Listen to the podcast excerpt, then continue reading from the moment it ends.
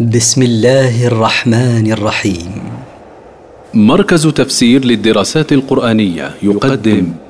المختصر في تفسير القرآن الكريم صوتيا.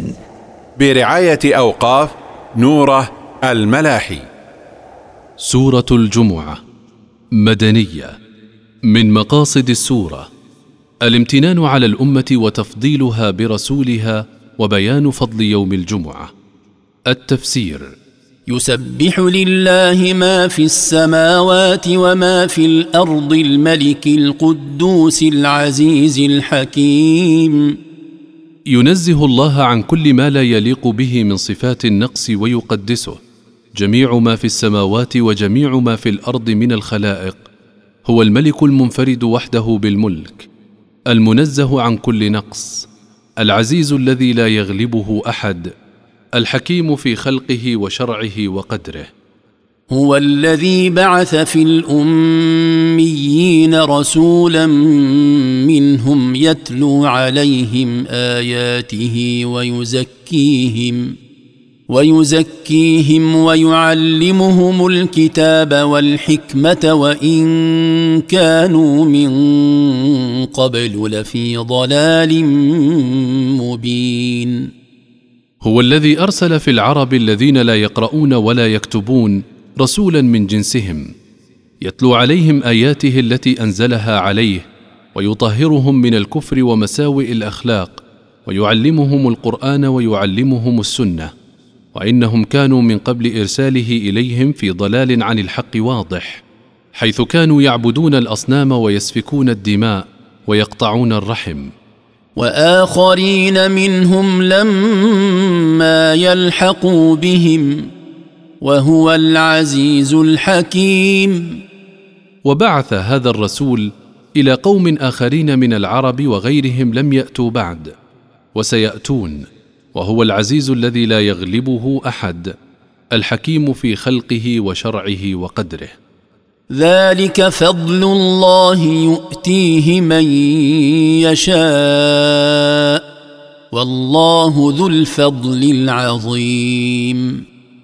ذلك المذكور من بعث الرسول إلى العرب وغيرهم فضل الله يعطيه من يشاء والله ذو الإحسان العظيم. ومن إحسانه العظيم إرساله رسول هذه الأمة إلى الناس كافة.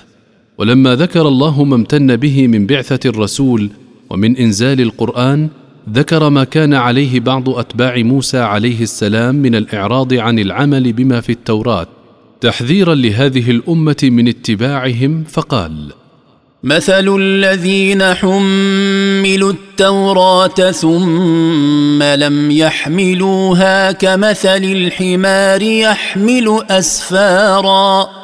بئس مثل القوم الذين كذبوا بآيات الله والله لا يهدي القوم الظالمين. مثل اليهود الذين كلفوا القيام بما في التوراة فتركوا ما كلفوا به كمثل الحمار يحمل الكتب الكبيرة لا يدري ما حمل عليه أهو كتب أم غيرها؟ قبح مثل القوم الذين كذبوا بآيات الله والله لا يوفق القوم الظالمين لإصابة الحق. قل يا أيها الذين هادوا إن زعمتم أنكم أولياء لله من دون الناس فتمنوا الموت فتمنوا الموت إن كنتم صادقين. قل أيها الرسول يا أيها الذين بقوا على اليهودية بعد تحريفها إن زعمتم أنكم أولياء لله اختصكم بالولاية دون الناس فتمنوا الموت ليعجل لكم ما اختصكم به حسب زعمكم. من الكرامة إن كنتم صادقين في دعواكم أنكم أولياء لله من دون الناس.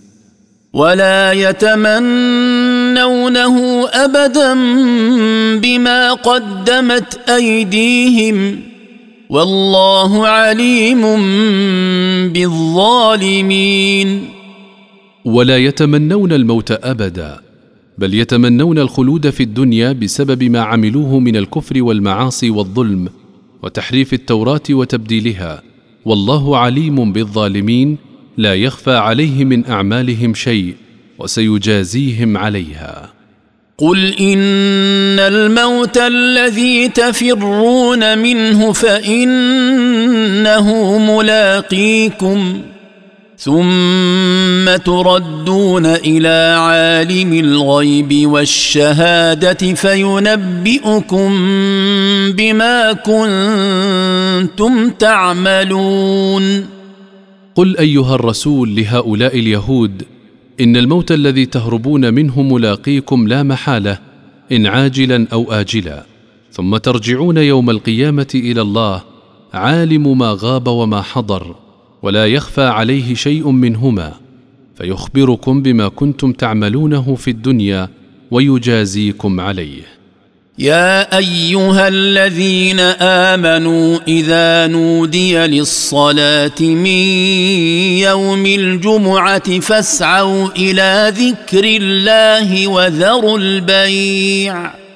ذلكم خير لكم إن كنتم تعلمون. يا أيها الذين آمنوا بالله وعملوا بما شرعه لهم إذا نادى المؤذن للصلاة من يوم الجمعة بعد صعود الخطيب على المنبر فاسعوا إلى المساجد لحضور الخطبة والصلاة واتركوا البيع لئلا يشغلكم عن الطاعة. ذلك المأمور به من السعي وترك البيع بعد الأذان لصلاة الجمعة خير لكم أيها المؤمنون. إن كنتم تعلمون ذلك فامتثلوا ما أمركم الله به. فإذا قضيت الصلاة فانتشروا في الأرض وابتغوا من فضل الله واذكروا الله كثيرا واذكروا الله كثيرا لعلكم تفلحون. فإذا أنهيتم صلاة الجمعة فانتشروا في الأرض بحثا عن الكسب الحلال وعن قضاء حاجاتكم واطلبوا من فضل الله عن طريق الكسب الحلال والربح الحلال. واذكروا الله في أثناء بحثكم عن الرزق ذكرا كثيرا. ولا ينسيكم بحثكم عن الرزق ذكر الله. رجاء الفوز بما تحبونه والنجاة مما ترهبونه.